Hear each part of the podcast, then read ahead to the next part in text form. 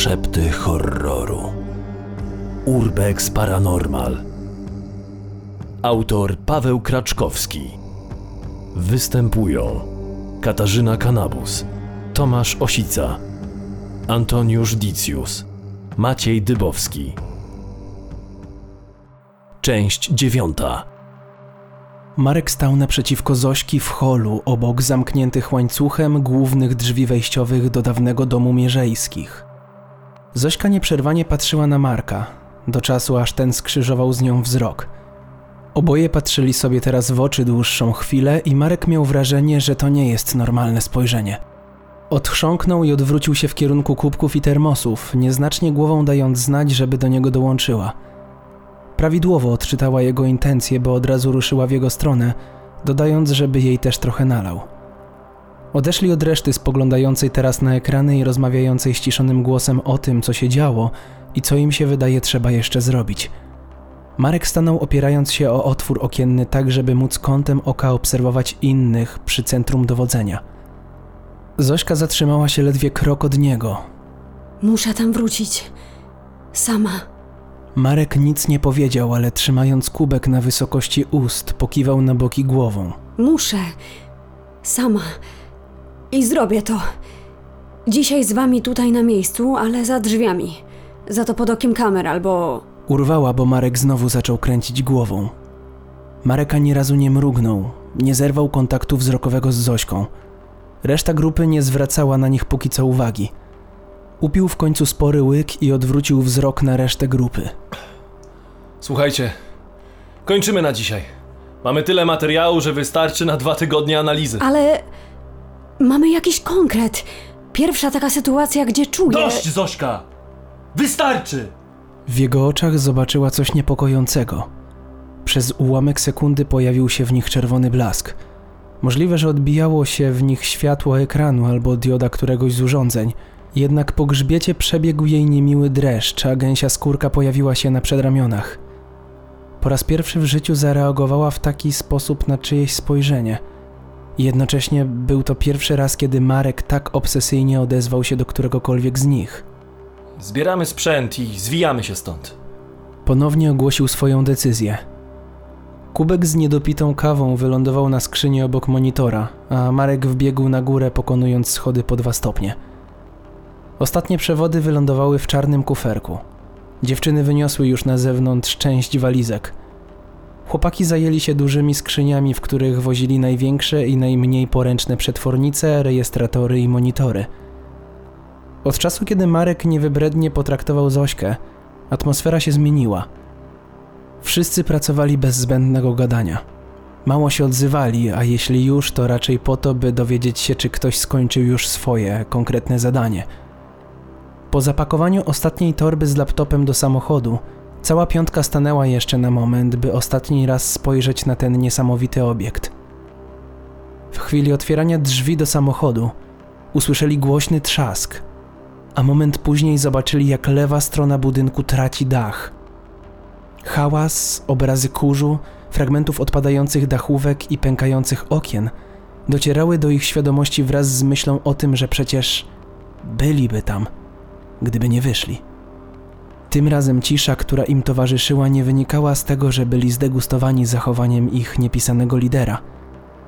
Nikt nie mógł wydusić z siebie słowa z powodu towarzyszącego im szoku.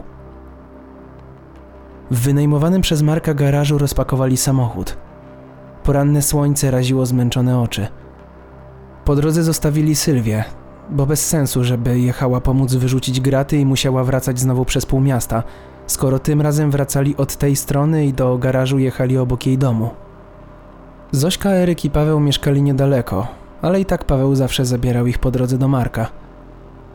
Pożegnali się nieco chłodniej niż zawsze z Markiem i odjechali. Ten wszedł jeszcze na chwilę do środka. Wyjął z jednej ze skrzyni rejestrator, podpiął do laptopa i pobieżnie zaczął przeglądać materiał. Coś mu nie grało. Miał nieodparte wrażenie déjà vu, które poczuł w chwili, kiedy Zośka powiedziała mu o chęci powrotu na samotną sesję. Pragnął zerknąć na nagrania tuż sprzed tamtej sytuacji. Trwało chwilę, zanim system się uruchomił. W końcu przesunął suwak na linii czasu odtwarzacza w interesujący go fragment.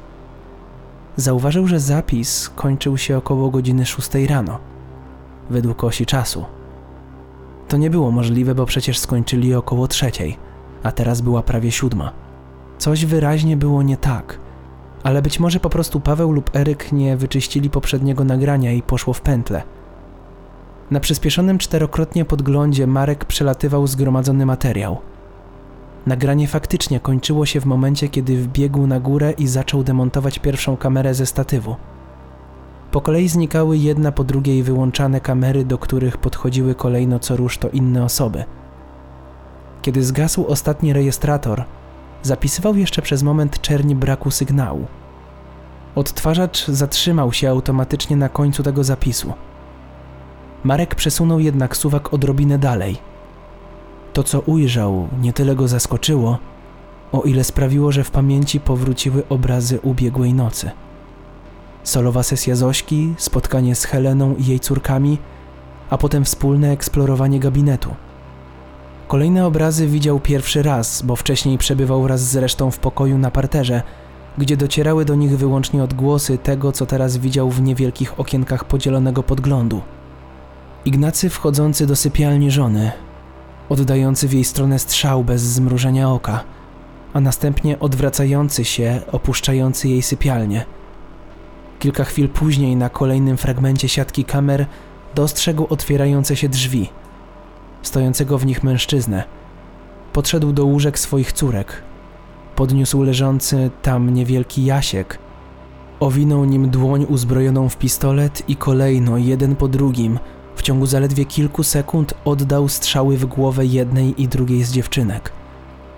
Marek zatrzymał odtwarzanie. Przetarł dłonią twarz, jakby dopiero co wyszedł z basenu lub spod prysznica i usiłował zebrać z niej resztę wody. Odczekał, aż wezbrane emocje odrobinę opadną.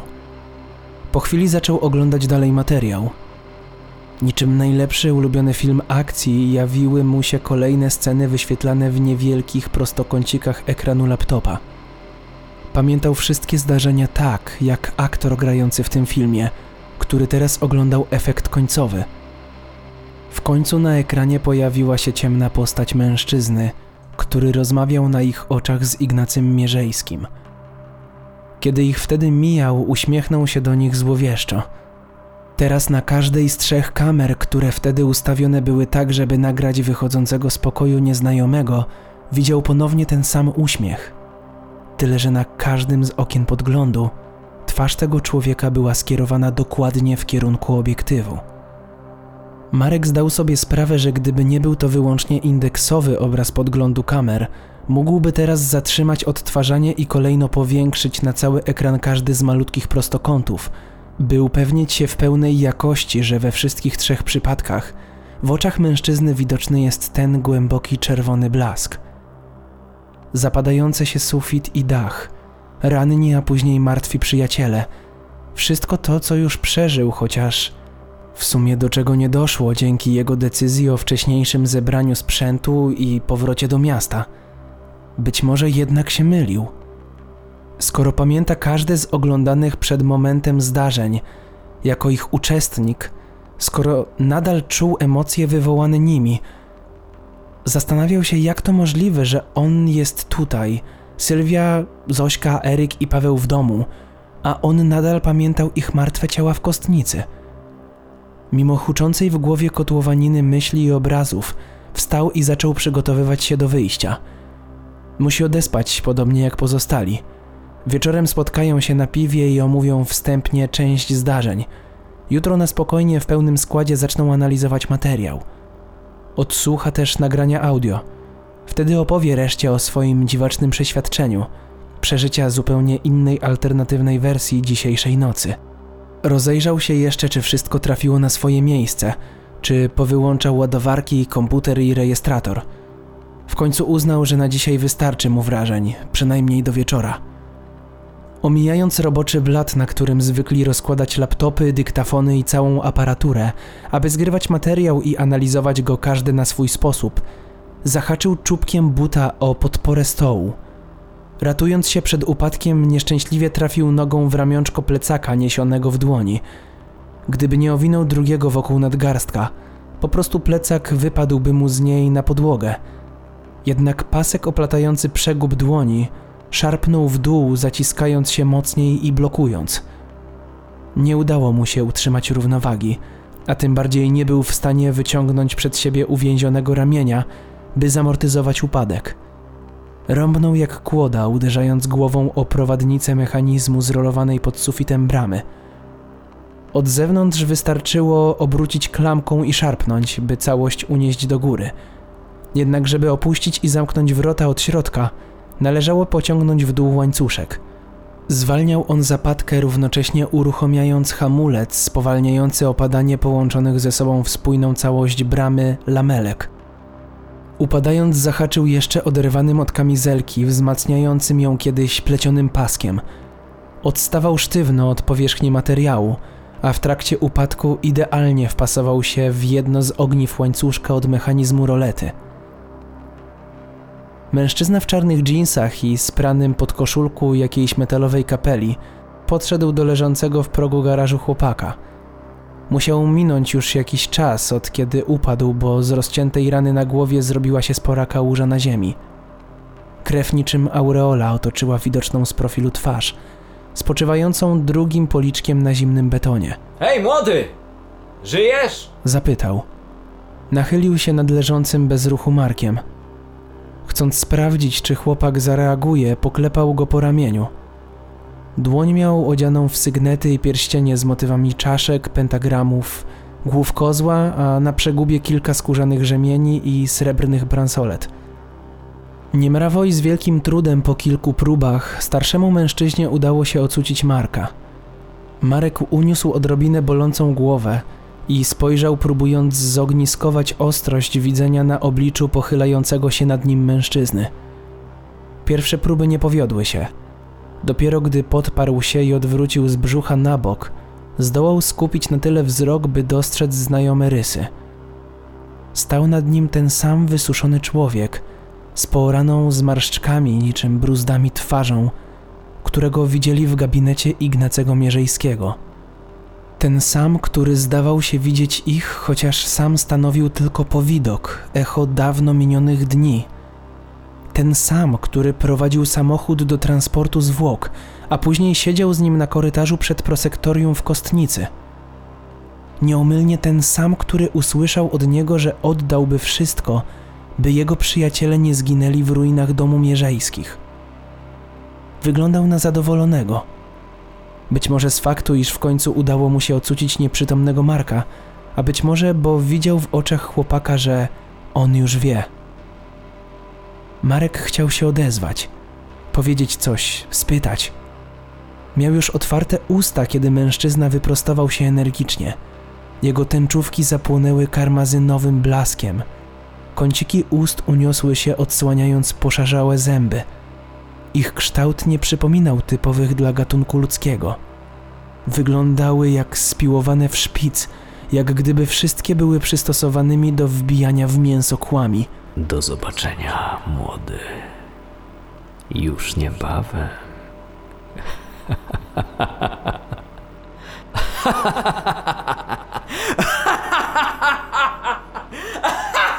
Przestraszony, nadal skołowany sytuacją Marek instynktownie odwrócił się na plecy, jednocześnie mrużąc oczy, gdyż ruch spowodował nową falę bólu i zawrót głowy. Usłyszał szczęk łańcuszka obok ramienia. Zanim zdołał zareagować w jakikolwiek sposób, odpruta tasiemka z kamizelki zaplątana w jedno z ogniw naprężyła łańcuch. Ten obrócił zębatkę, równocześnie odblokowując zabezpieczającą mechanizm krzywkę. Zwinięta w kasecie roleta drgnęła gotowa do zamknięcia bramy garażu. Marek nadal próbował myślą dogonić bieg zdarzeń, lecz w tym momencie tasiemka wyślizgnęła się z metalowego oczka. Zapadka hamulcowa opadła. Wcześniejsze uderzenie głową, potem ramieniem i całym ciężarem ciała upadającego młodego mężczyzny w szynę prowadzącą spowodowało niewielki wstrząs metalowej konstrukcji. Nie na tyle silny, by odkształcić coś na stałe, jednak wystarczający, by fragment aluminiowego nitu, pozostawiony podczas produkcji mechanizmów w fabryce, wskutek udaru przemieścił się o kilka milimetrów. Właśnie ten niewielki aluminiowy krążek zablokował sprężynkę zapadki i pomimo tego, iż opadła, nie trafiła w odpowiednie miejsce, zwisając o ułamek milimetra nad krawędzią, jakiej powinna stawić czynny opór. Kilkudziesięciokilogramowa konstrukcja z wyciszonych i wypełnionych ogniotrwałym materiałem stalowych profilowanych lamelek opadła z całym impetem. Policja na miejscu zdarzenia odnalazła dwa rejestratory używane w systemach telewizji przemysłowej. Kilka kamer zarówno systemu CCTV, jak i standardowych kamer na nośnik SD. Dwa urządzenia typu GoPro oraz kilka dyktafonów, zarówno cyfrowych, jak i analogowych.